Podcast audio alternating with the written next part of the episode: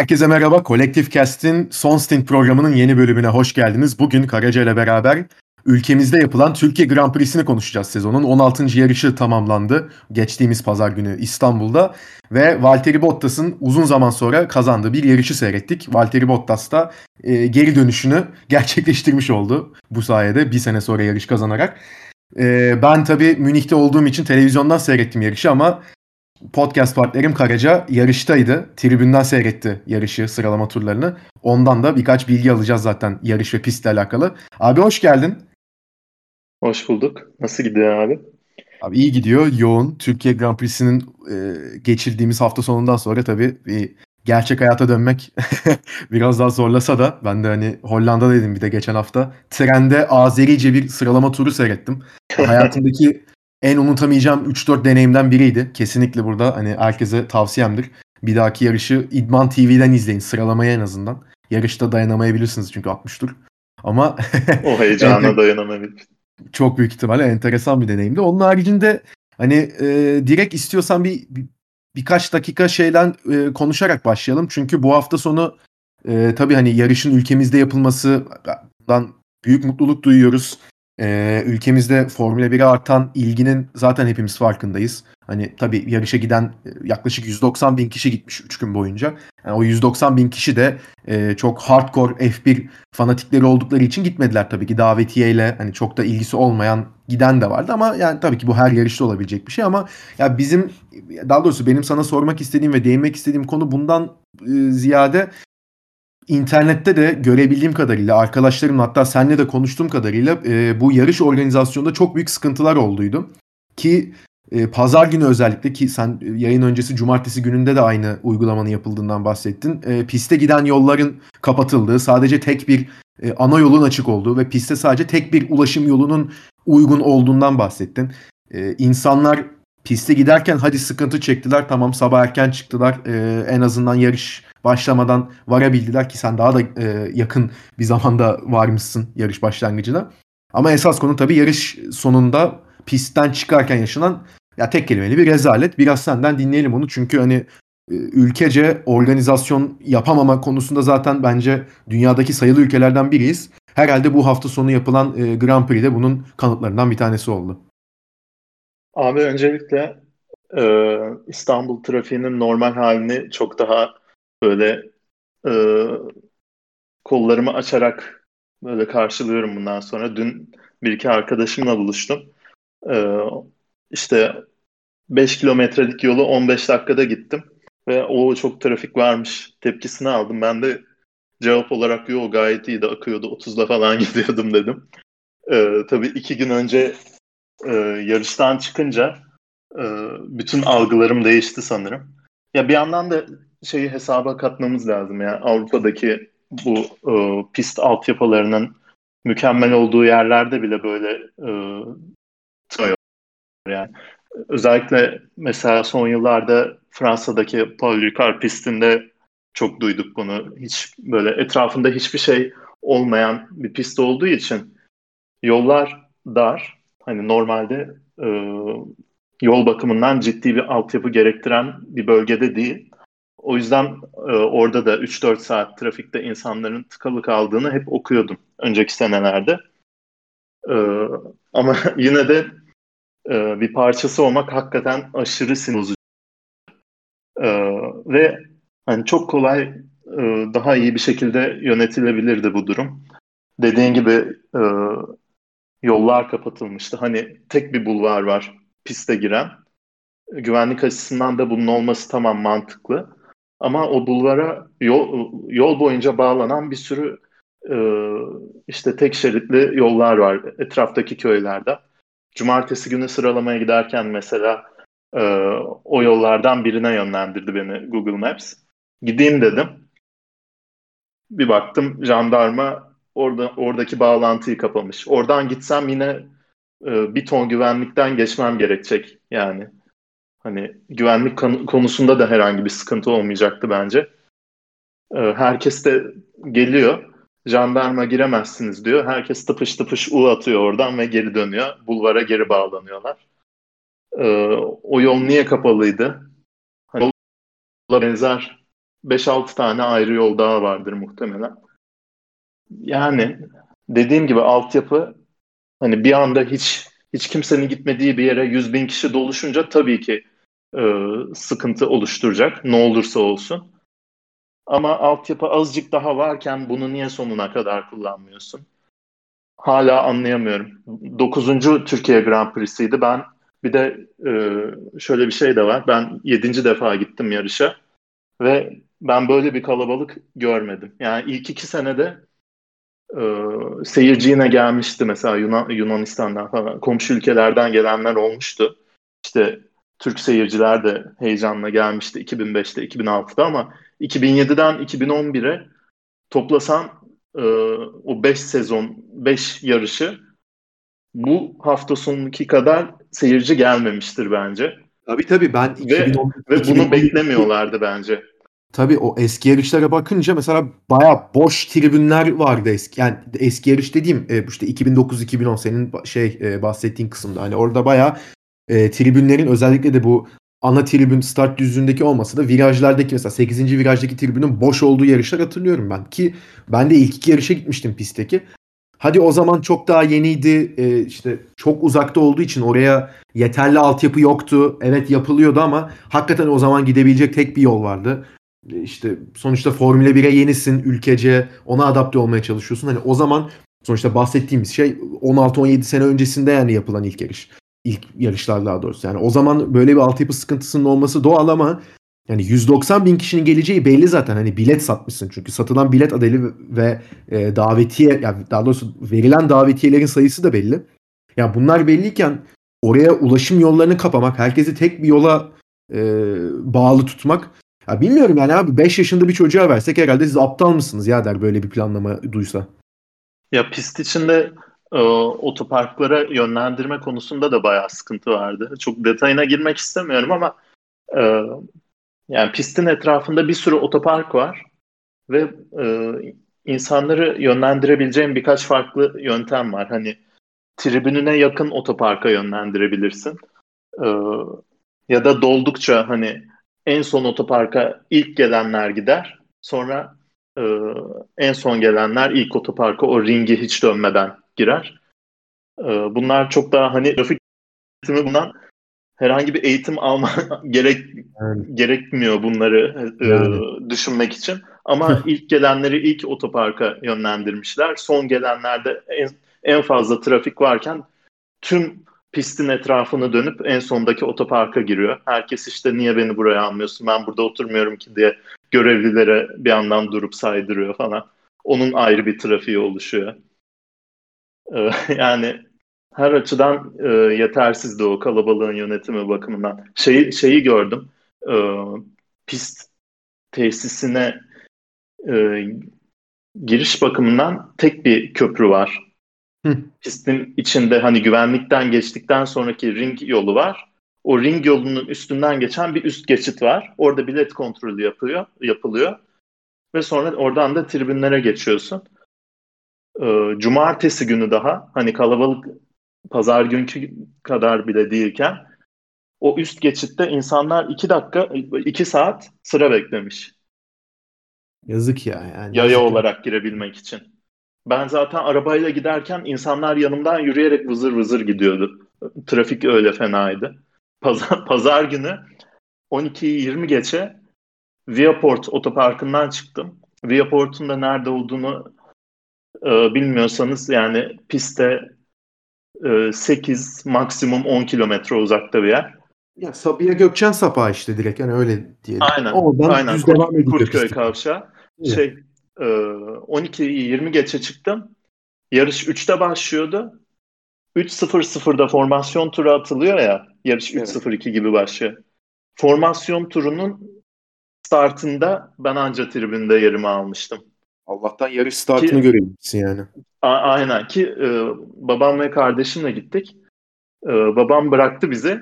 Siz geçin tribüne dedi. Arabayı park etti de o 40 dakika sonra geldi. Yarışın yarısını kaçırmış oldu.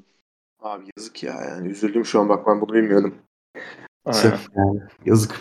Abi yani bu... çıkışta da e, şey hazır moda gir- girmişken devam edeyim. E, çıkışta da E, Damıl bayrak sallanır sallanmaz çıktık. Dört buçukta. E, pistin etrafında dönen ring yolda e, otobüsle otoparklara götüren e, hizmet vardı. E, işte çok alakasız pistin diğer ucunda bir otoparka yönlendirmişlerdi bize bizi. Dört buçuktan beş buçuğa kadar arabaya binmemiz sürdü o servise e, binerek. Sonra beş buçuktan altı buçuğa kadar bir saat boyunca otoparktan o ring yoluna anca çıkabildik. Ring yoldan da altı buçuktan sekize kadar Viaport'a anca gidebildim. Yine o da buçuk sürdü. Artık yani kafayı yiyordum. Böyle toprak yollara falan yönlendirdiler bu sefer. Bu sefer de tam tersini yaptılar. Olmadık yollara yönlendirdiler. Bildiğin rally yaptık. Hı. Ortasında böyle patikadan falan gittik arabayla. Ya bu konu hakkında cidden daha da uzun uzun diye konuşabiliriz yani çünkü organizasyon bakımında gerçekten dediğim gibi ülkecek e, sıkıntı yaşıyoruz ki yani neyse ki bu sene seyircilerin de geldiği ve bu kadar fazla insanın ilgi gösterdiği bir organizasyonda saçma sapan gidip gül suyu vermediler de en azından şampanya vermeyi başarabildiler. Öyle mi? Şampanya yani, mıydı bu sefer? Şamp evet evet şampanyaydı. Direkt official Ferrari şampanyasıydı. Zaten e, şeyi şampanya teslim ettikten sonra ışık hızıyla uzaklaştı oradan e, teslim eden kişiler. E, meclis başkanımız sağ olsun hani çok hızlıymış yani ben de onu fark ettim izlerken. Neyse, Bu arada hani... şey diyeceğim çok ufak hemen bir cümle daha söyleyeyim. Ee, pandemi bakımından da hiçbir önlem yoktu. Ya o tabii. Zaten yani olmasını edildi. bekliyor muydum? Beklemiyordum ama yine Hı. de söylemekte fayda var herhalde. Yani bu tabii artık zaten hani, e, yani bu kadar organizasyonu halledemeyenlerden tabii onu zaten beklemiyordum ben de. Neyse abi dediğin gibi hani daha bunun hakkında çok şey konuşulabilir ama e, biz istiyorsan artık buradan bir yarış hafta sonuna geçelim. Çünkü e, şimdi yarış hafta sonuna gelinirken zaten geçen haftalarda da konuştuğumuz bir konu vardı. Özellikle hani Rusya Grand Prix'sinde Max Verstappen e, motor değiştirip e, grillin en başladıktan sonra ve tabii ikinci olduktan sonra Lewis Hamilton'ın da bir motor değişikliğine gitmesi gerektiği e, yani sezonu e, elinde bulunan iki tane motorla bitiremeyeceği e, konuşuluyordu. Yani bir tane motor zaten perte çıkmış. Bir motor çok uzun süredir kullanıyor, kullanılıyordu. Üçüncü motoruyla işte e, sanırım Belçika'da takmışlardı. Tam hatırlamıyorum onu. Belçika veya e, Macaristan o iki yarıştan birinden e, üçüncü motoru almıştı kendisi.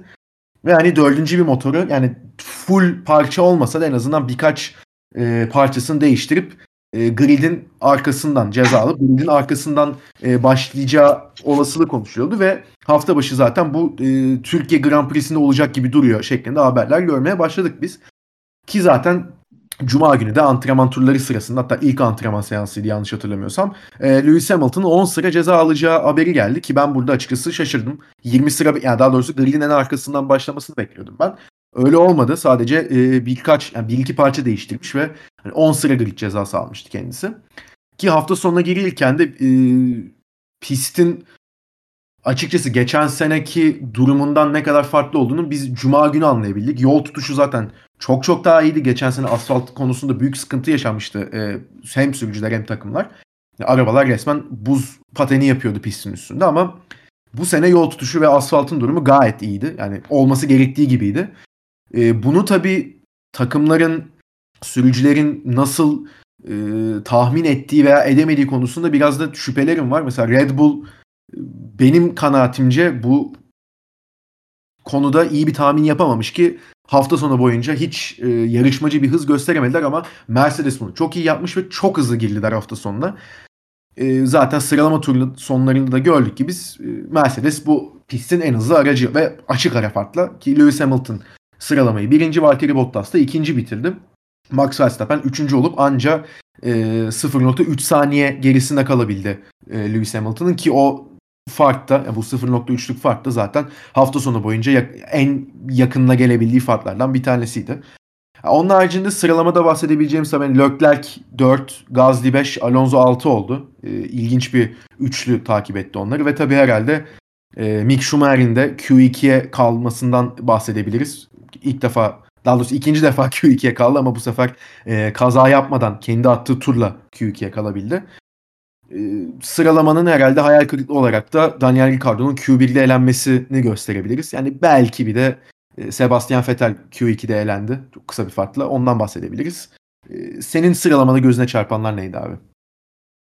Ee, abi Mick Schumacher hemen konuya gireyim. Çünkü konuşamıyoruz. Yani Haas'lı Haas sürücüleriyle ilgili tek konuşabildiğimiz şey aralarındaki e, gereksiz kavgalı durumda.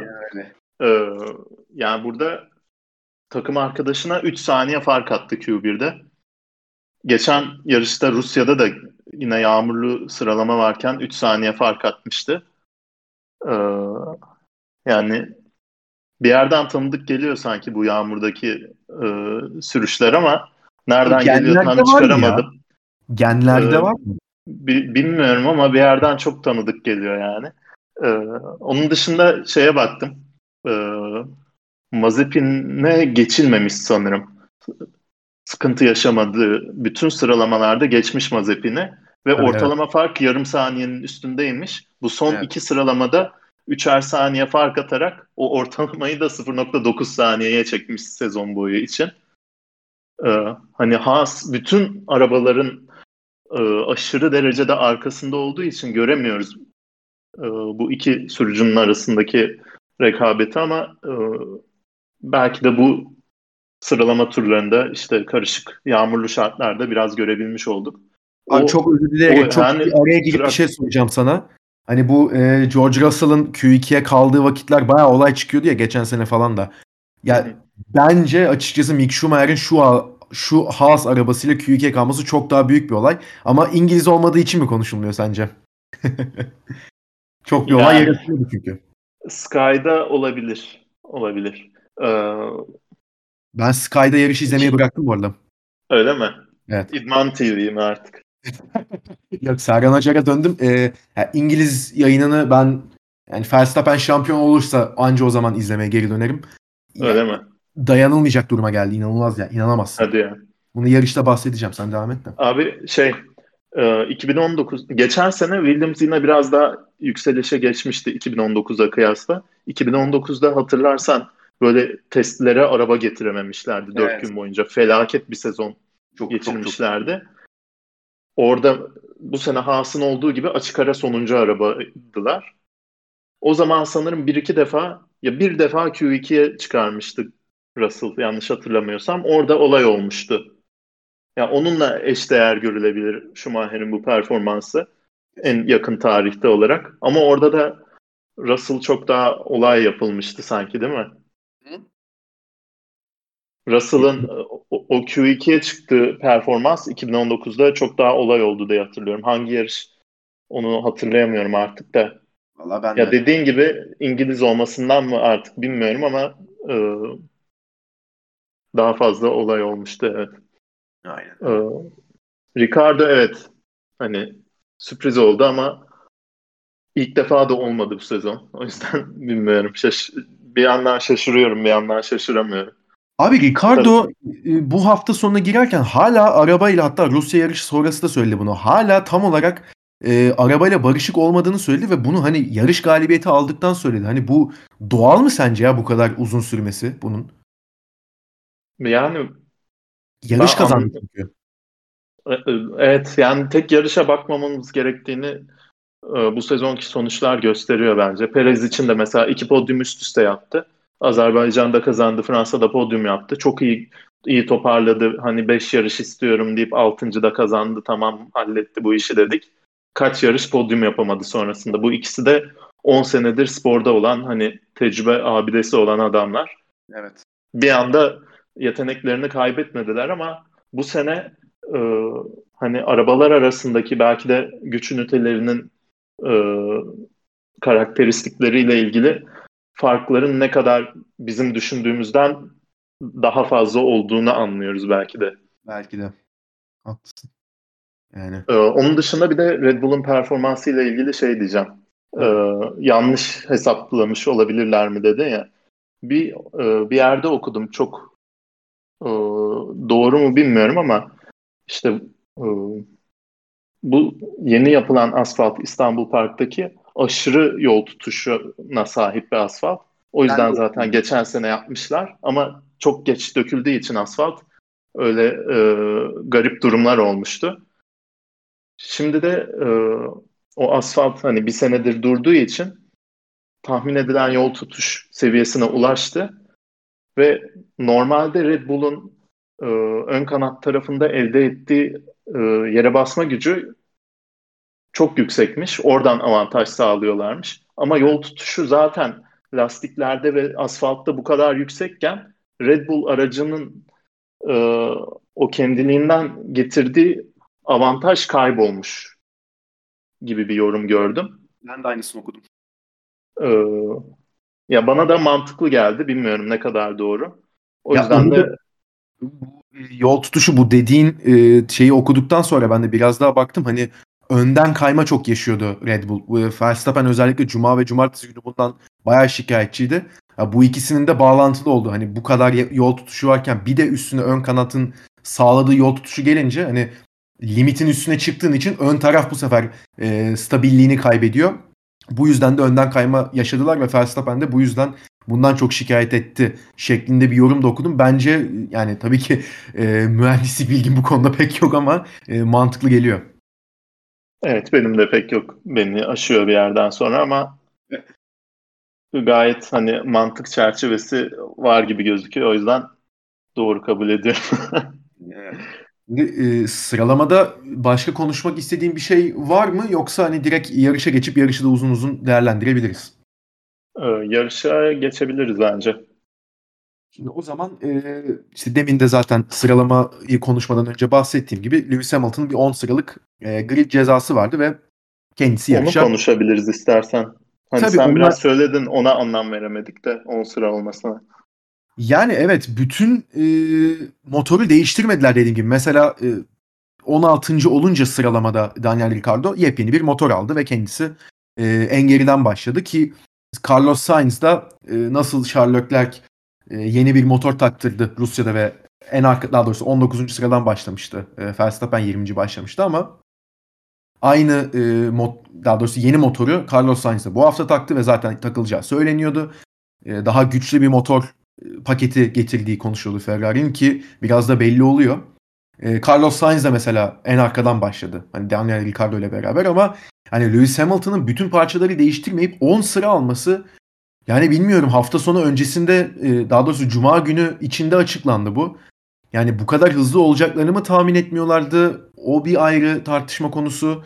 Yani bu kadar hızlı olacaklarını tahmin etseler belki bütün motoru değiştirirlerdi ve e, sonuncu başlarlardı. Yine Hamilton e, Verstappen'in Rusya'da yaptığı gibi birer birer geçip devam edebilirdi.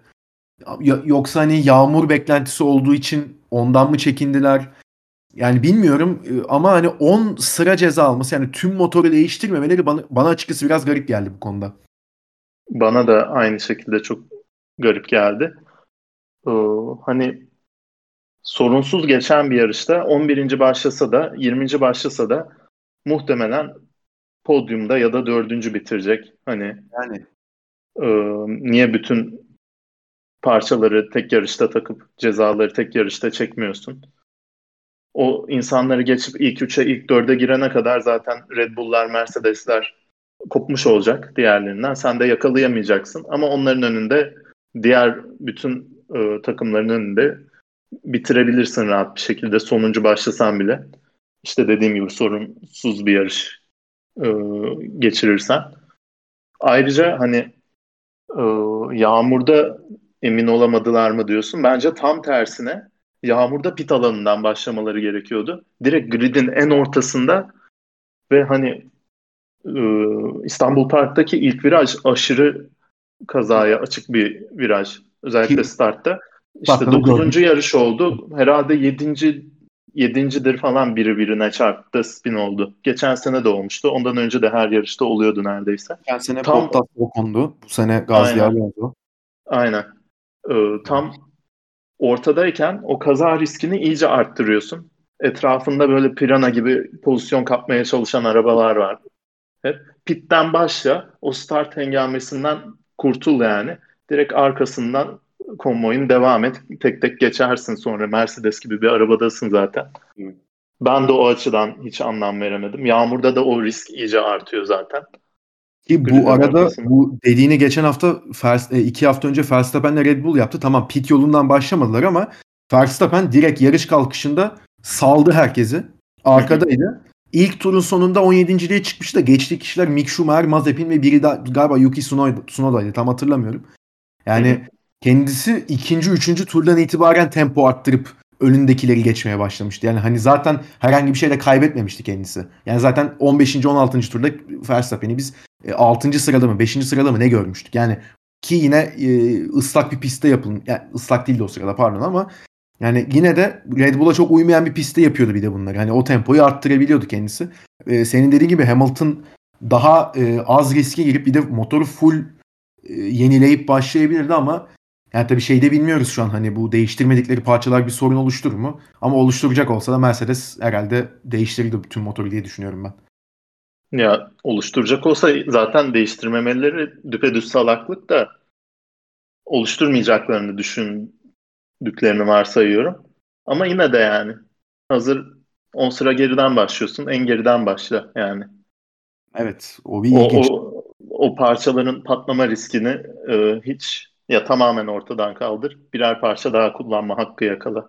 Aynen öyle. Ona da katılıyorum. Şimdi e, yarış startını tabii hani Hamilton'ın 11. sıradan başlayacağından bahsettik. Yani e, bu e, durum sonrasında Bottas pole e, çıktı. Yani birinci sıradan başladı. İşte Bottas, Verstappen, Leclerc, Gazi, Alonso ve Perez altılısı vardı ilk altıda.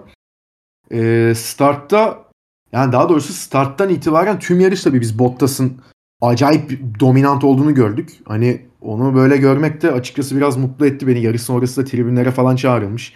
Hani adamı adama herhalde ilk defa e, bir pistte bir ülkede bu kadar ilgi gösterildi. Yani Bottas'ı o şekilde mutlu görmek de benim hoşuma gitti. Yalan olmasın. Startta da dediğim gibi çok hızlı kalktı. Reaksiyon saniye farkı zaten e, Verstappen'le bir 5. 6. turda e, o kıyas yapıldı. Yani neredeyse 0.1 saniye e, lik bir fark var orada Bottas'ın yaptığı. Hani çok hızlı reaksiyon verip çok çabuk hızlanıyor. Bu sayede zaten ilk virajı direkt önde girip ondan sonra at, yani neredeyse bütün yarış hatta arkasına bile bakmadan devam etti Bottas. Yani startta zaten hani ilk sıralarda yani daha doğrusu ilk 3 sıranın e, etliye sütliye karışmadan temiz bir kalkış sağlayıp yollarına aynı şekilde devam ettiğini gördük ama ilk viraja girerken Gazli, Alonso ve Perez üçlüsünün e, viraja yan yana girdiğini gördük. Gazli ortada kaldı. Alonso sağında. Solunda da e, virajı içeriden alan Sergio Perez vardı. Ve burada Gazli'nin Alonso'ya bir müdahalesini gördük. Alonso da spin attı orada ve yarışa çok daha gerilerden tekrar katılmak zorunda kaldı. Ee, burada Gazli'ye verilen 5 saniye cezasını nasıl e, değerlendiriyorsun? Ya bilmiyorum ben bu arada yarışı izlerken ben 3-4 tane olay için mesela Gazli ve Alonso'ya verilen cezalar için yok canım buradan bir şey çıkmaz ya dedim. Ya ne dediysem tam tersi oldu yarışta. ya Hamilton da birilerini mesela Gazli Hamilton arkasında tutar dedim. Dedikten yaklaşık bir 10 saniye sonra geçti. Hiç zorlanmadan. Yani böyle çok güzel tahminler yaptım ama hani konuya dönecek olursak bilmiyorum Gazi'ye verilen ceza biraz abartıymış gibi geldi bana. Evet müdahalesi var ama adam da orada iki aracın içerisinde virajı dönmeye çalışıyor. Bilmiyorum. Hele ıslak bir pistte biraz kafamı karıştırdı. Ya herhalde Perez'le direkt iç tarafta tekerlek tekerleğe değillerdi diye o cezayı verdiler de bence de ya çok ufak bir temas ve hani son 2-3 sezondur startlarda ne kadar cömert davrandıklarını görüyoruz e, yarış hakemlerinin. Bundan çok daha e, ağır kazalarda startta ceza vermemişlerdi. Hani yarış olayı olarak görmüşlerdi. Ben de anlamadım açıkçası. Şey yine konu şeye geliyor. Hani Gazli çarpan olarak hiç etkilenmedi kazadan. Çarpılan Alonso sonuç öyle olduğu için sonuç odaklı bir karar mı verdiler acaba? Evet. diye düşünmedim değil yani. Bunu üçüncü kez konuşuyoruz sanırım değil mi bu sene? Üç hatta Aynen. daha bir Avusturya'da. Yani. Aynen öyle. Öyle. Eğer ikisi de spin atsaydı mesela Gazli de çarpıp spin atsaydı bu ceza verilir miydi? Bence asla verilmezdi yani. Ben de pek zannetmiyorum yani katılıyorum orada. O yüzden tabii yarış e, o açıdan ilginç başladı. Tabii yarışın e, ilginç başlaması sebeplerinden bir tanesi de demin de bahsettiğimiz gibi Lewis Hamilton'ın 11. sıradan başlamasıydı. Ve kendisi hani yavaş yavaş önündekileri geçecek ve e, zaten podyuma doğru koşturacak diye beklerken biz Yuki Tsunoda'nın yaklaşık bir 6-7 tur inanılmaz savunma yaptığını gördük. Yani özür diliyorum kendisinden. Daha başka bir şey söyleyemeyeceğim. Kendisi de yarıştan sonra ben Max'in kazanmasını istiyorum demiş. Hani sempatik geldi bilmiyorum şimdi çok mu şey bakıyorum ama subjektif ama hani orada Hamilton'ın Snowda arkasında bayağı zorlandığını gördük ama sonrasında yani geçtikten sonra e, Norris'i, Gasly'yi hiç de zorlanmadan geçtiğini gördük. Bu sırada tabii Hamilton'la beraber Carlos Sainz da 20. sıradan başladığı yarışta acayip geldi arkadan. Bir tek tabii hani deminki kazayla ilintili olarak Carlos Sainz'ın Fethel'e bir müdahalesi vardı geçerken. Mesela orada yani Gazi'ye ceza çıktıysa Sainz'a da ceza çıkabilir miydi? Orada daha çok tekerlek tekerleğiydi ya. Bir Ama de Sainz orada e, arabanın kontrolünü kaybedip direkt sağa kayıp Feder'e çarpıyor. Kaybediyor mu kontrolü? Tabii tabii tabii. Ben evet. izleyemedim tekrarını evet. çok da. Evet. Yani o zaman evet yine Şimdi, olay e, şeye dön aynı mevzuya dönüyor. Yani demin dediğim gibi ben de aha dedim Sainz'e geldi ceza. Orada da çıkmadan ne dediysem tam tersi oldu bu yarışta. Yani ben anlayamıyorum artık abi bu e, şeyi. Bir anladım diyorum. Hani mantıklı gelmiyor ama anlamlı gelmiyor ama bir mantık çerçevesi oluşturmaya evet. çalışıyorum. Bir sonraki yarışta onu tamamen yok sayıyorlar. Yani o yüzden e, bilmiyorum. Bunda direkt tekerlek tekerleğe yan yana çarptılar ve kimse etkilenmedi diye ceza vermediler. Belki de hani Gazi'nin kazasında e, Gazli ile Alonso'nun kazasında Gazli pist dışına ittirdi mantığını kullandılar da Science Vettel'e dokunduğunda e, pist dışına itmedi. Sağ tarafta daha çok pist vardı diye mi düşündüler? Bilmiyorum. Yani belki de bilmiyorum. Gerçek gerçekten bir hiçbir fikrim yok. Hani hani o, oradan bir mantık çerçevesi oluşturabilirim ama bir iki yarışa Hı. bu da şey yapılır. o yüzden yani onu da göreceğiz artık herhalde bilmiyorum son 6 yarış kalmışken. Şimdi e, tabii hani bunlardan bahsetmişken hani Hamilton'ın e, öndeki gruba yaklaştığından zaten bahsediyorduk.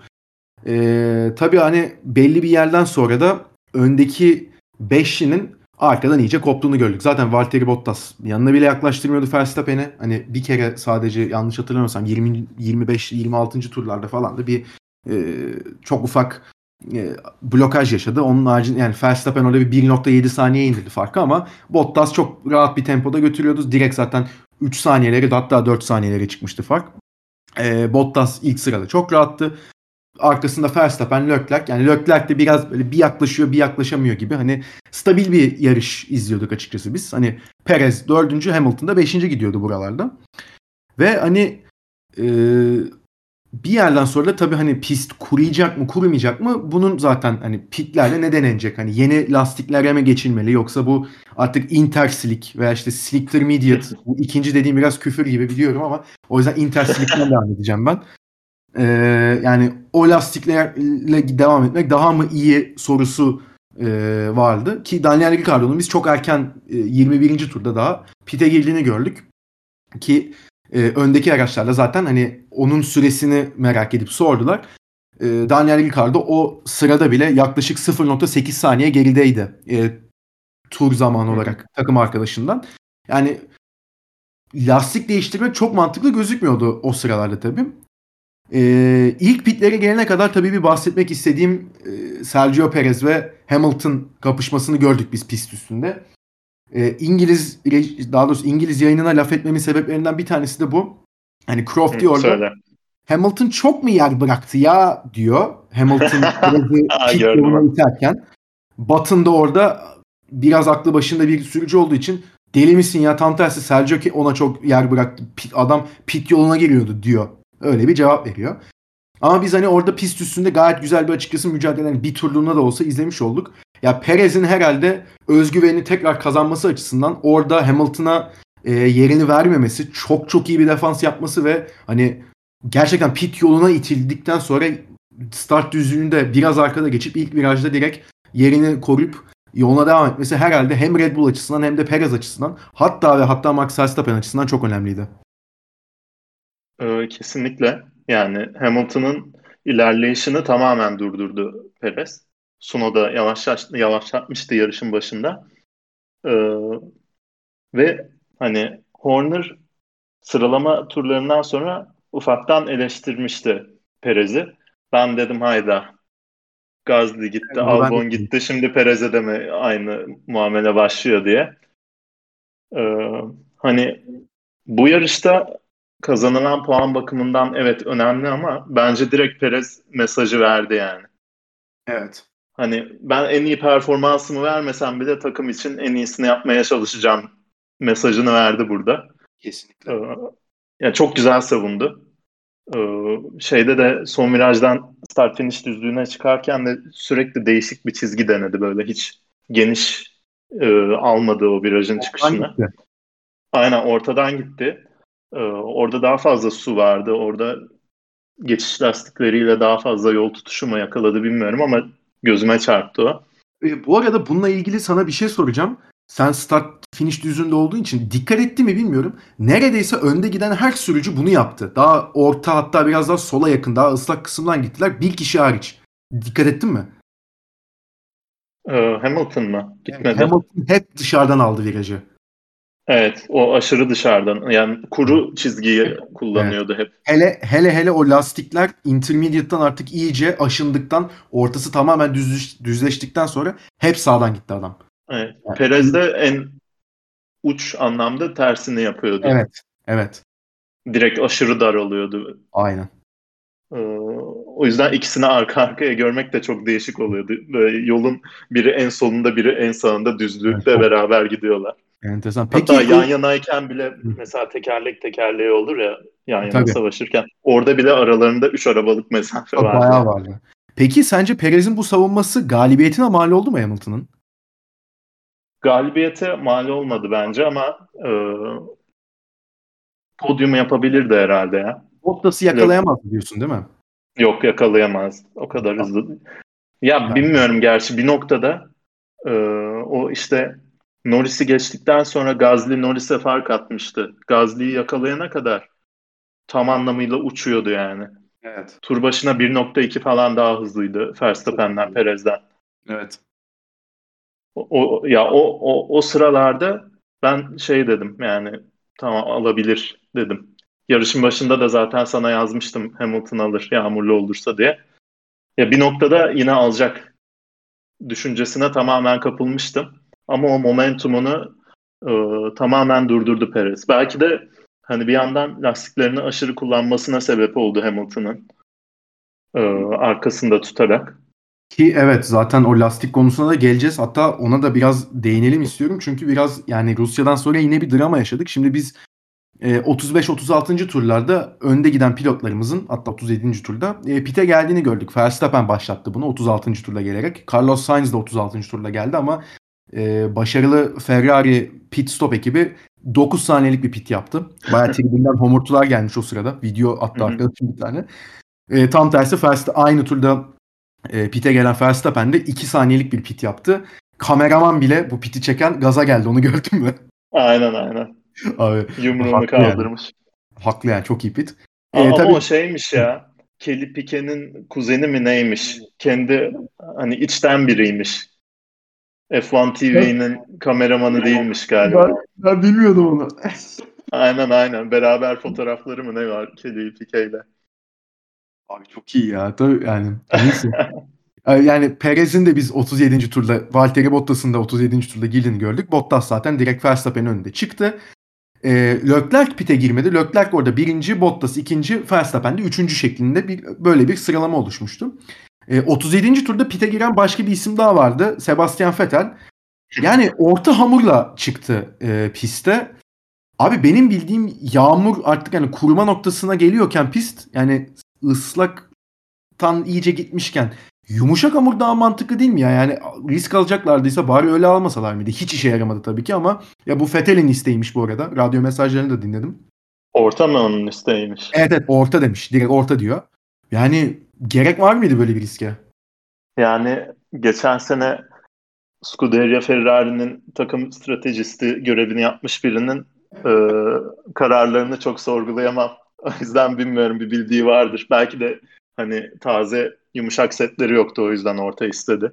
Bunu da kesin aklına kazımıştır o sırada hatırlamıştır Fettel yani öyle deli bir adam.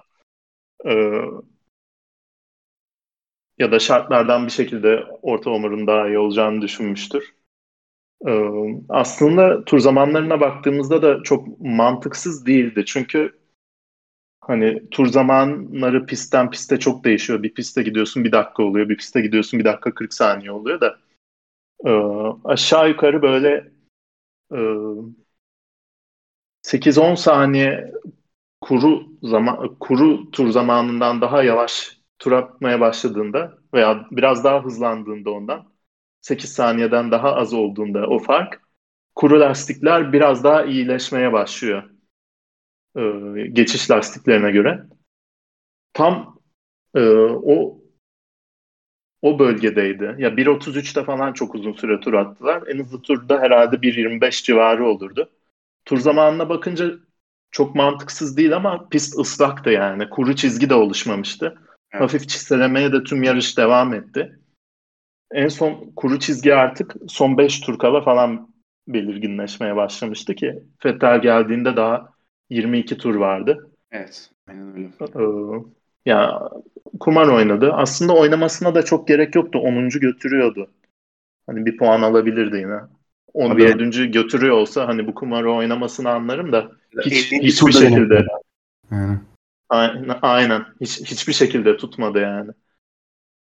Evet çok e, yanlış bir karar olduğunu gördük. Tabii hani bu pitten sonra bir hani Fetel'e bakalım acaba ne olacak diye herkes bir sorguladı ama yaklaşık hani bir dakika falan sürdü bu sorgulama. Çünkü Fetel'in hani pist içinde bile e, kalmakta zorlandığını gördük biz. Hatta hani diğer sürücüler için e, tehlike arz edecek noktaya geldi ki zaten kendisi aynı tur içinde tekrar pite geldi. Direkt Aynen. E, değiştirdi de, lastikleri. Aynen öyle. Bir de hani geçen sene kıyasla asfalt çok değişti dedik. Aynı olan bir şey vardı. Ee, yine taze geçiş lastiğine göre kullanılmış, tamamen aşınmış. İşte senin dediğin e, slick mediate ya da e, interslick çok daha hızlıydı. Pit stoplardan sonra ne kadar yavaş kaldığını gördük yeni geçiş lastiğiyle tur atanların. İşte kabarcıklanma olduğunu evet. söylediler. Ki zaten ee, gelmek istediğim nokta da oydu benim. Şimdi biz e, 40'lı turların başında e, Leclerc'ten bir radyo mesajı duyduk. E, bu lastiklerle sona kadar gidebilir miyim diye. Ki ben de açıkçası bu kadar uzun süredir Formula 1 seyreden ve hani olabildiğince kuralları da takip eden biri olarak ben yağmur koşullarında başladığın lastikle yarışı bitirebildiğini bilmiyordum sürücülerin. Yani çünkü normal kuru bir pistte yapılan yarışta iki set lastik yani iki farklı set lastik kullanmak zorundasın. İki farklı sertlikte hatta öyle diyeyim. Yani yumuşakla başladıysan yarışa e, orta veya sert hamurla bitirmen gerekiyor yarışı veya işte onları bir kere kullanman gerekiyor yarış içinde her yarışta gördüğümüz gibi ama yağmurda yani daha doğrusu ıslak zemin lastiklerinde bu geçerli değil. O yüzden hmm. Leclerc'ten böyle bir mesaj gelince ve Ferrari pit duvarı da evet sona kadar gidebilirsin deyince ben e, ne oluyor dedim. Hatta yani Leclerc bu soruyu sordu. Yok canım dedim. Bir anda cevap evet gidebilirsin deyince hani yanıldığım bir başka konuda buydu. 4-5 tane olay var deyince hakikaten şaka yapmıyorum. Yani. ee, Ama Ferrari olunca konu. Gerçi işte, bu sene stratejide biraz iyiler de. Ya, de hani ondan 5 dakika sonra da şey dediler. Hani nerede bitireceğim diye soruyor Leclerc. Hedefimiz ne diye soruyor. Geçilmezsen birincisin diyor. Ben de ona Hadi ya. Abi ya duyduğum en iyi radyo mesajlarından bir tanesiydi ya. Top yani, çizgiyi geçerse gol olur. Abi inanılmaz yani. Hani Bottas'ı arkanda tutarsan birincisin demek yani gerçekten hani çok e, derin düşünülmüş bir strateji olsa gerek. Hani Ferrari şaşırtmadı bu konuda ama yani şimdi Leclerc bu soruyu sorarken aynı şekilde e, o sırada artık e, dördüncülüğe kadar yükselmiş olan yani ve önünde sadece Max Verstappen kalmış olan bir yaklaşık e, 4 saniye fark vardı Verstappen ile Hamilton arasında. O sırada dördüncü olan Hamilton da aynı soruyu sordu. Ben bu lastikle sona kadar gidebilir miyim diye. Bir bakalım diye cevap verdi Bono. Ve Hamilton yani 18. turda lastiklerinden e, şikayet eden Hamilton e, 41. turda kendisini pite çağıran ekibine niye diye bir soru yöneltti. E, yeni Inter lastikler e, doğru seçim burada cevabını aldıktan sonra hayır benim lastiklerim gayet iyi ve ben devam ediyorum dedi. Peki bir tur daha düşünelim dendi. 42. turda aynısı yaşandı. 43. turda da aynısı yaşandı ve Hamilton pite girmeden devam edeceğini belirtti. Şimdi Ee, yani ve bunun akabinde tabii 47. turda Charles Leclerc pite girdi ki orada zaten Bottas kendisini geçmişti ama Hamilton hala devam ediyordu ve üçüncüydü. Şimdi burada kritik olan bir nokta var. E, Leclerc dördüncü çıktı. Perez beşinci. Gasly de altıncıydı. Ve e, Mercedes pit ekibi Bono önderliğinde hani pite girerlerse hani Gasly'nin önünde çıkıp en azından beşinciliği kurtaralım e, sonucunun peşindelerdi. Yani orada Hamilton'ın pite girmemesi çok tartışma yarattı. Hani senin de bu konudaki fikirleri merak ediyorum ben. Ya, olabilecek en son noktada girdi pite ve kendisi 5. çıkıp 5. devam etti ve 5. bitirdi yarışı ama yani sence sona kadar devam etse aynı lastiklerle arkadan gelen Leclerc'e, Perez'e ve hatta belki de Gazli'ye geçilir miydi yoksa e, podyumu alabilir miydi? E, podyum alamazdı bence kesinlikle. E, zaten o stintin son birkaç turunda sen de söyledin biz başlamadan önce şimdi e, Perez'den tur başına 2 saniye 3 saniye kaybetmeye başlıyor başlamış. E, pite çağırdıklarında da artık bu tur son şansımız bu turda girmezsek Gazli'ye geçileceğiz. Pit yapsak da yapmayacağız. Yapmasak da e, diye bir mesaj geldi Bono'da. E, Ocon pit stop yapmadan sona kadar geldi. Onun o son turlardaki performansını da görünce ne kadar haklı bir e, analiz olduğunu görebiliyoruz. İşte Sainz kötü pit stopundan sonra Ocon'un arkasında biraz takılı kaldı. 12 tur kala yarışın bitmesinin sonunda geçmeyi başardı. O 12 turda e, yeni lastiklerle Sainz Ocon'dan 50 saniye daha hızlıymış abi. Zaten Ocon'un sağ ön lastiğinin bir resmi var. Abi orada artık şey yok yani. Kauçuk kalmamış. Direkt Abi, jant var yani. O e, o fotoğrafta sağ ön lastikte baya yuvarlak bir şey var. Yani yuvarlak o ya o şeklinde bir şey çıkmış. Yani şey diyorum çünkü ne olduğunu bilmiyorum. Çok garip bir fotoğraf o. O şey gibi böyle e, çok eski futbol toplarında eskiden şey olurdu ya iplik iplik çıkardı. Evet. O, o tarz bir yapı vardı herhalde. Herhalde ben evet. de öyle düşünüyorum. Ya ben kesinlikle podyumu tutabileceğini düşünmüyorum Hamilton'ın. Ee, niye o kadar uzun süre e, pistte kaldı onu da anlamadım. Leclerc'in mesela anlayabiliyorum çünkü hani kumar oynuyor. Pist üstü pozisyonu onda ve çok da kötü gitmiyordu son birkaç tura kadar pit yapmadan önceki. Tur başına sadece yarım saniye fark yiyordu. Fark kapanıyordu Bottas'la. Ben dedim hani orada şey dedim tutabilir belki diye düşündüm. Ama bir anda performans kaybı oldu. Yani e, dört buçuk saniye falandı fark. Sonra iki tur içinde o fark kapandı ve geçildi. Direkt lastikler pertti. Ben de işte de, e, sen de dedin start finish düzlüğünün başlarındaydım. O, o turlarda Leclerc'in e, son virajdan çıkışı direkt şey drift atıyordu yani. Evet. Zaten drift attığı için de e, ana düzlükte geçildi en sonunda. Hatta Kötü yani bir kalkış yakaladı. Bottas orada direkt yol verdi hatta. Geç abi sen ben gidemiyorum diye yani. Aynen aynen. Ya Leclerc'in o açıdan anlayabiliyorum. Bir kumar oynadı. Ve o sırada da elimizde herhangi bir veri yoktu. Ee, eski lastiklerin bir anda o hızla düşeceğine dair. Ama Hamilton zaten o sırada dördüncüydü. Pite girse beşinci çıkacaktı. Ee, beşinci çıkıp da direkt hani geri dördüncülüğe çıkma ihtimali de çok yüksekti. Hiçbir pozisyon kaybı da olmayacaktı muhtemelen. En hızlı turu atabilirdi ayrıca. Onun artı bir puanı da var. Evet. Ee, ama beklettiler. Hamilton'ın da son birkaç yarışta yani Rusya'da da zaten özellikle belli oldu. Takım onun adına iyi kararlar veriyor da takıma evet. uyuyor. Yani o karşısında hakikaten yani ki şimdi Verstappen de açıkçası rahat gözüküyor. Hani hiç öyle baskı mutlaka hissediyordur. Gerginlik tabii ki vardır abi. İnsan sonuçta o da bir robot değil. Her ne kadar babası robot gibi yetiştirmiş olsa da Verstappen'i. Yani ke- kesinlikle bir baskı var Verstappen'in üstünde sonuçta. Hani karşısında tarihin en fazla kazanmış insanı var.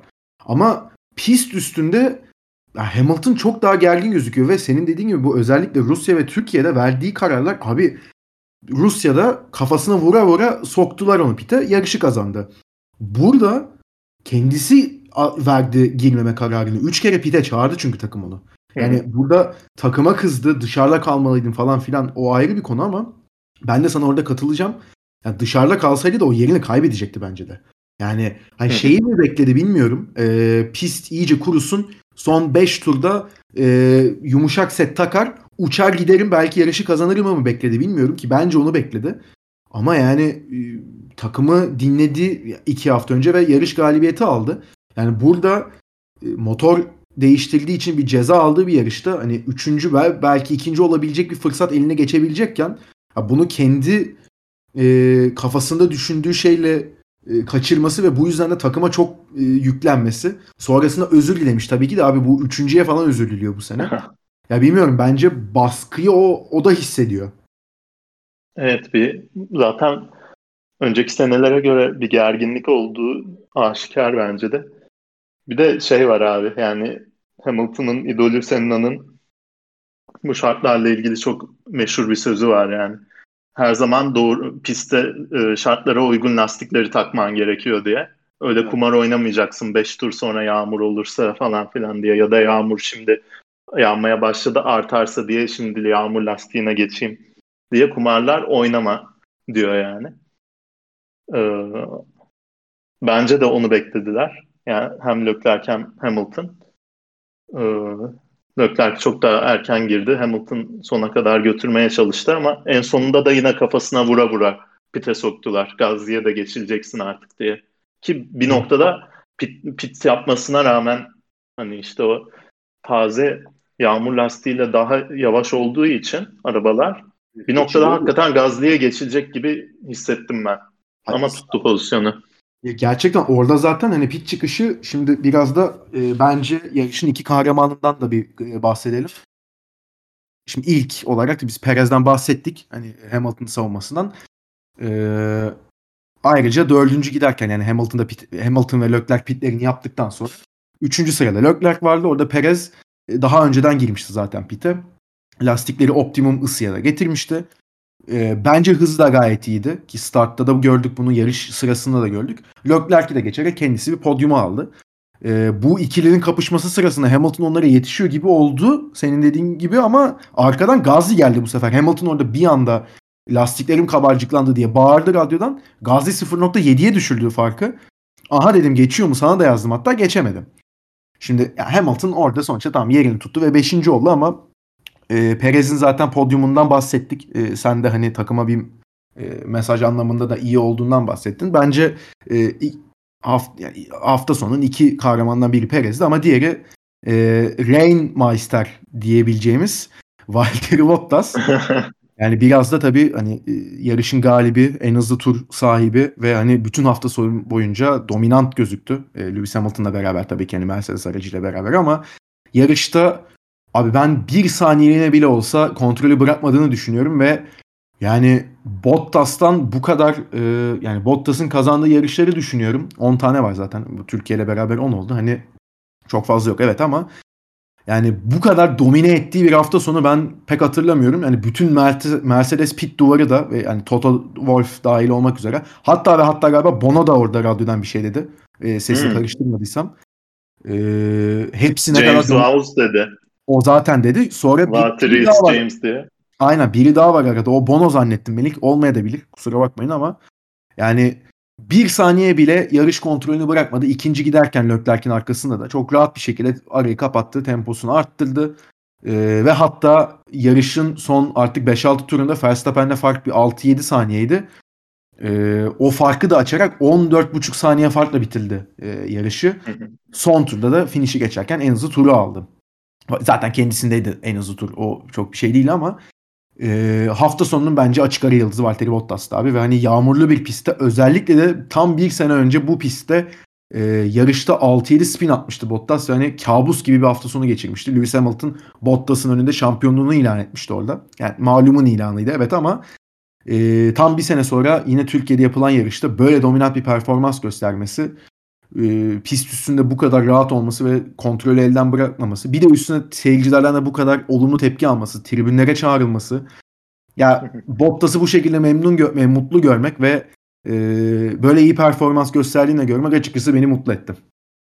Beni de ve e, hani Bottas Mercedes'ten ayrılıyor evet ama bence seneye Alfa Romeo'da çok daha böyle renkli bir karakter olacak. Tamamen böyle kendi kanatlarını açabileceği bir ortamda olacak birinci sürücü olarak. Ee, hani Hamilton'ın yanında herkes mutlaka ne kadar yetenekli olursa olsun sönük kalacaktır yani. Evet. Alfa Romeo'da e, gerçekten ne kadar kaliteli bir pilot olduğunu aslında tekrar hatırlayacağız bence.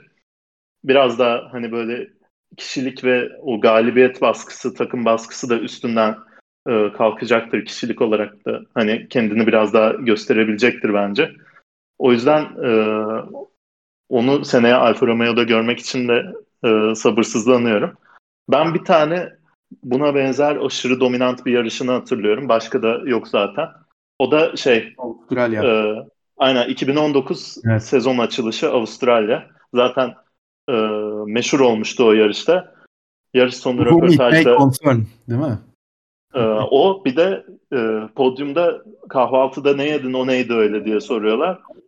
Yulaf ezmesi yedim diyor, porridge yedim diyor. Ee, peki pazar günü de bu arada evet. pardon aynen pazar günü Dünya Porridge günüymüş. Bu da aşırı manidar yani. İnanılmaz bir şey ya. Abi bence yani, tesadüf olamaz bu. E, yani orada yıldızlar bir araya gelmiş bence. Tabii tabii kesinlikle. 10 Ekim tarihiniz, tarihini e, işaretleyin. O gün bir yarış olursa Valtteri Bottas'a tüm paranızı koyabilirsiniz yani. Tabii. Yani. Haas'ta falan yarışsa bile. Abi yani ama dediğim gibi hakikaten Bottas'ı bu kadar dominant görmek çok rahat hiç kontrol elden bırakmamak.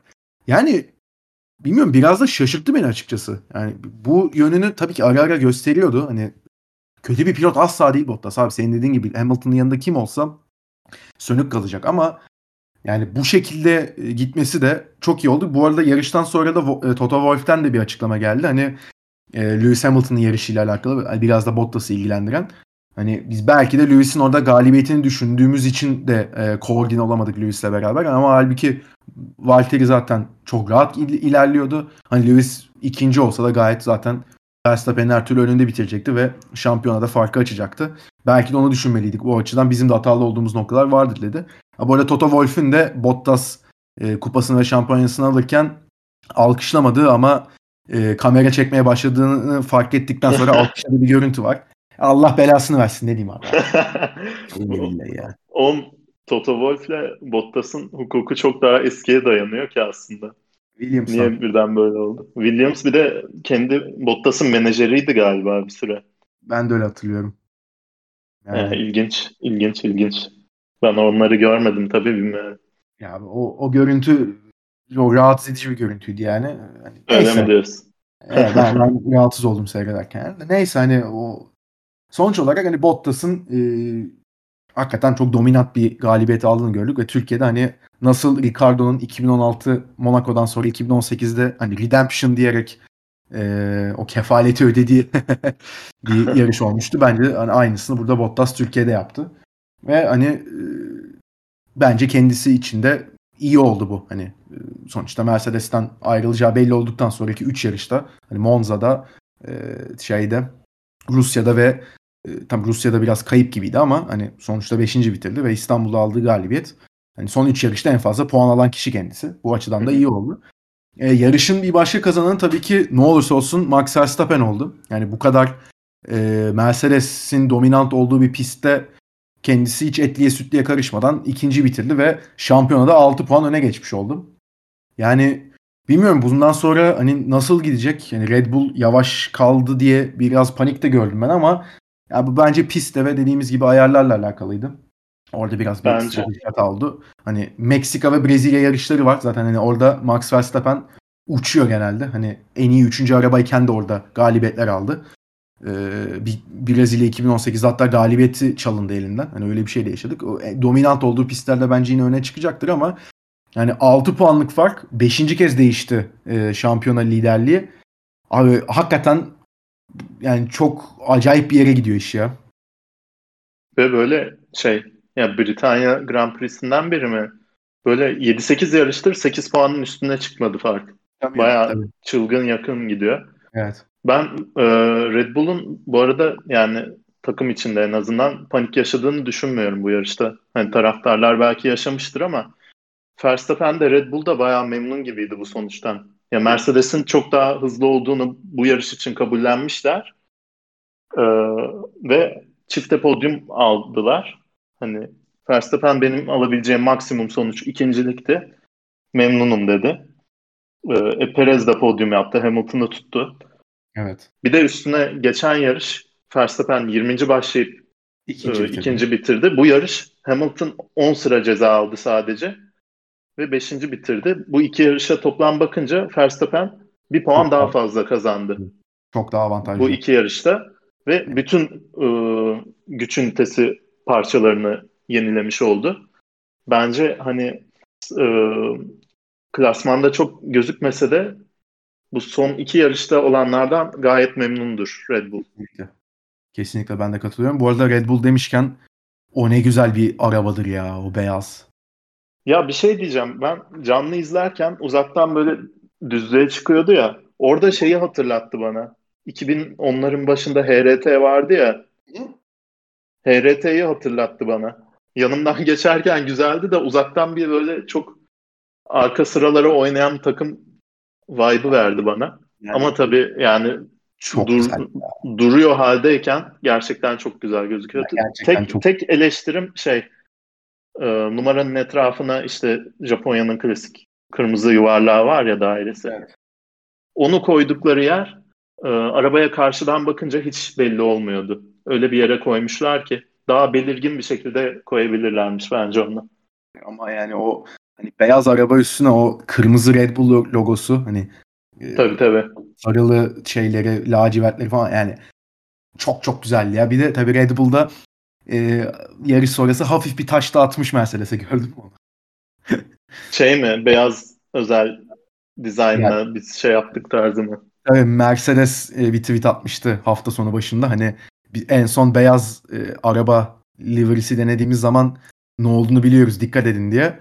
Red Bull'da o tweet'i alıntılayıp hani ne körsü yazdı direkt. tamam kesin o zaman bir sonraki yarış e, Bottas yine ikisine çarpar herhalde. Yani bir Perez'le Verstappen'in. Bilmiyorum ama. yani... Bu arada şey e, biraz bir anda atlayacağım konuyu ama hani hep unutulan biri var Formula 1'de. Ne kadar yetenekli olursa olsun. Onu da unutmayalım. Bu yarış unutulmadı. E, günün sürücüsü ödülünü aldı. Evet, ona biraz konuşalım istersen. Ona, ona gelecektim ben de. Pit stop'unun kurbanı oldu. Bence 5-6 yani bilmiyorum 5 ile 7 arası bitir yani 8. bitirdi evet ama e, yani liderlik e, savaşı verir miydi hiç zannetmiyorum. Podyum savaşı verir miydi zannetmiyorum ama dediğim gibi hani 4-5 oralarda e, kendisine yer bulabilirdi belki Sainz. Gerçekten çok hızlıydı. Çok rahat geçti herkesi. Tur üstüne tur en hızlı tur attı evet. bir de pit stop'undan evet. sonra. Evet ve orada hani e, pit stop'unun kurbanı oldu. E, bu yarış muhtemelen e, reji biraz internetteki e, gelen şikayetleri dinlemiş ki biz çok uzun bir süre hatta yarışın ilk yarısında sadece Hamilton'la Sainz'ı izledik. Ama hak edilmiş bir şey kesinlikle. kesinlikle. Yani vızır vızır herkesi geçti. 10 turda 20'den 19'dan 10. sıraya tırmandı o, o sıralarda işte devam etti. Kötü pit stop sonrasında pit yapmamış o konunun arkasında takılı kaldı. Hani 9 saniye değil 6 saniye olsa o pit stop yine kötü bir pit stop olsa e, Ferrari'den bak beklentilerim yüksek değil bu konuda. 6 saniyeye de kabulüm yani. E, o konunun önünde çıkardı ve hani Norris'i Gazli'yi geçerdi temposuyla bence. O konu geçtikten sonra çünkü Norris ve Gazli'ye e, böyle 16 saniye mi ne fark varmış. Ferrari ile McLaren e, McLaren'e karşı bu farkı kapatmak son 10-12 turda bayağı e, çılgın bir şey yani. Leclerc'i de önde gördük zaten. Hani pit stop yapmayarak biraz kendi ayağına sıkmış oldu. Bunu tabii sonradan gördüğümüz için rahatlıkla söyleyebiliyoruz ama ilk pit stoplar yapılana kadar Verstappen'in sadece 2 saniye gerisindeydi Leclerc'te. Evet. E, bu arada biz hani biz tabii çok doğal olarak hani Mercedes ve Red Bull'u konuşuyoruz ama üçüncülük için de Ferrari ve McLaren'in e, bayağı çekiştiğini görüyoruz.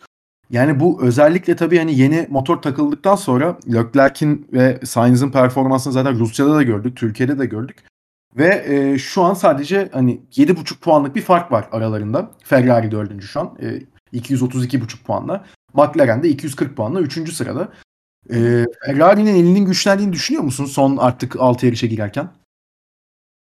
Ya şöyle ki e, bir yarış böyle McLaren zar zor puan al- alıyor gibi gözüküyor. Sonraki yarış e, aynısı Ferrari oluyor. İşte biri podyumu oynuyorken diğeri böyle zar zor 9. 10. bitiriyor tek sürücüsüyle. Sonraki yarış tam tersi oluyor. Bu hafta McLaren e, öyleydi mesela. Aynen öyle. Ee, geç, son iki yarıştır işte McLaren galibiyete oynuyordu yani. Ya evet. Ee, bu yarış kayıp kayıplardı. Ricardo zaten hani kötü sıralaması ve sonra ceza almasından sonra yapabilecek çok bir şey yoktu. Norris de 7'de çok sessiz sakin bir yarış sürdü. Ee, görmedik Norris'i. Yani pistte, pi, aynen hiç görmedik. Çok kayıptı. Ee, pistten piste o kadar değişiyor ki hani yeni motor geldi 10 beygir 15 20 kaç beygirse o kadar geldi tamam Ferrari buradan alır demek o kadar zor ki. Neredeyse her yarışta değişiyor çünkü. Ve çok da değişik bir şey bu kadar çılgınca oynaması. Evet. Çünkü Ama... sadece aralarında e, oynamıyorlar gridde. Ya yani Alpine'in gerisinde falan kalıyor. Evet. Bu ikisinden biri kötü bir hafta sonu geçirdiğinde. Aynen öyle yani. Alfa Tauri'nin ya da. Yani üçüncülük yarışı da kızışacak gibi bundan sonra. Yani onu da merakla takip edeceğiz. Şimdi bir yarış sonunda klasmanda gördüğümüz ve konuştuğumuz üzere Bottas, Verstappen ve Perez'den oluşan bir podyum vardı. Leclerc 4, Hamilton 5, Gasly 6. artık zaten e, gridin 6. E, basamağını hani sıralamada da yarış sonlarında da herhalde Gazli'ye ayırmamız gerekiyor artık her yarış. Yani abonesi Altı Hakik Hakikaten öyle. Lando Norris yarış boyunca pek göremedik kendisini. Hani pek değil hatta hiç görmedik. E, 7. bitirdi. Sainz günün sürücüsü 8. Stroll 9 oldu. Yağmurda yine fena iş çıkarmadı. Esteban Ocon da pit yapmayarak e, 10. bitirdi. Yani tabii hani bu yarış e, iyisiyle kötüsüyle güzel, yine de Türkiye için iyi bir deneyim olduğunu düşünüyorum ben ne olursa olsun ama hani biraz evet. gelen haberleri de okudukça muhtemelen seneye olmayacak yarış. Çünkü hani bu sene de e, Covid sebebiyle e, Japonya yarışını iptal etmişti ve onun yerine Türkiye Grand Prix alınmıştı ama seneye e, Japonya ve Singapur hatta bu sene iptal oldu. Yani o ikisinin e, yokluğuyla Türkiye alındı e, takvime. Ama çıkan haberler şu an gördüğümüz kadarıyla seneye e, Çin yerine Imola gelecek. E, Türkiye yerine de Singapur geri dönecek. Zaten Singapur sözleşmesini de uzattı FIA ile. E, yani bir süre daha göremeyeceğiz gibi geliyor e, Türkiye'de yarış. Yani tabii Intercity belki bir bütçe yaratır devletle beraber çalışıp e, ve bir para karşılığında tekrar sokarlar takvimi ama pek zannetmiyorum ben. O yüzden hani e, bu iki seneki yarışı bir süre herhalde böyle geriye bakıp ne güzel yarışlardı ya diye hatırlayacağızmış gibi diyecekmişiz gibime geliyor benim. Tabii tabii. Şey e, Vuralak en son bir iki hafta önce açıklama yapmıştı. 10 senelik anlaşma için Formula 1 ile Liberty Media ile konuşuyoruz diye de e, yani 2011'de takvimden çıktığından beri e, aslında Formula 1 istiyor ama e, bir anlaşmaya varılamıyor ve hani e, varılacak gibi de durmuyor bence. E, görmeden inanmam ben e, evet, öyle ben bir sözleşme imzalanması konusunda. Umarım imzalanır tabii ama bir yandan da şeyi istiyorum. Araya biraz zaman girsin de çünkü seneye tekrar yarış olursa tribünler yine bomboş kalır bu seneki evet. e, organizasyonel felaketten sonra. Bakalım tabii Türkiye e, bunun devamında nasıl bir e, yol haritası çizecek Formula 1 ile onu tabii ki göreceğiz. E, son olarak da sürücüler klasmanında zaten hani e, demin takımlar şampiyonası durumu söyledim. Mercedes'in hala 36 puanlık bir e, üstünlüğü var takımlar sıralamasında. Sürücüler sıralamasında dediğim gibi Verstappen tekrar aldı liderliği. 6 puan önünde şu an Lewis Hamilton. 3. sıradaki Bottas 177 puanda. O da şampiyonluk umutlarına devam ettiriyor diyebiliriz herhalde. E, dördüncü sıra için tabii Norris ve Perez'in e, bir kapışması var. E, Norris 10 puan önünde Perez'in 145'e 135 durum. Perez de belki e, son 6 yarışta artık e, biraz vites arttırıp o dördüncülüğü alabilecekmiş gibime geliyor. Yarış sonrası zaten yarış mühendisiyle de konuşmasın. Hani Meksika'da sen birinci sırayı alacaksın. Öyle, öyle kutlayacağız diye bir mesaj geldi ama Oo. yani bir Perez iki Verstappen gidiyorlarsa Helmut Marko sniper'la indirir muhtemelen e, Perez'i öyle bir durumda. %100. %100. Yani, orada muhtemelen Çeko da der yani tamam hani Meksika falan da geç abi sen diye. E, şimdi önümüzde tabii e, dediğim gibi 6 yarış kaldı ve 2 haftaya Amerika'da bir e, yarış yapılacak Kota'da. Yani e, pek hani Mercedes pisti mi, Red Bull pisti mi, Ferrari ne yapacak, Mer- e, McLaren ne yapacak? Bunların e, bilinmezliğiyle gidiyoruz Amerika'ya. Amerika'da da geçen sene yarış yapılmamıştı çünkü iki sene oldu. Yani nasıl bir yarış bekliyor bizi gerçekten hiçbir fikrim yok ama e, son 6 yarışa hem takımlar şampiyonasında birincilik ve ikincilik hatta üçüncülük için aynı şekilde pilotlar klasmanında da son ana kadar devam edecek bir mücadele bizi bekliyor herhalde. Böylelikle de bölümü burada kapatalım abi istiyorsan. Ağzına sağlık. O pistteki e, deneyimlerini de aktardığın için teşekkür ederiz. Hani insanların da biraz bilgilenmesi gerekiyordu bu konuda. İyi yaptın valla. Ne demek ne demek. Sizler için kendimi Tabii. feda ettim ben. çok sağ ol. Senin de ağzına sağlık arada. Çok teşekkürler. Çok sağ ol. Böylelikle de bölümümüzü burada noktalıyoruz. Bizi dinlediğiniz için çok teşekkür ederiz. Bir sonraki bölümde görüşmek üzere. Hoşçakalın.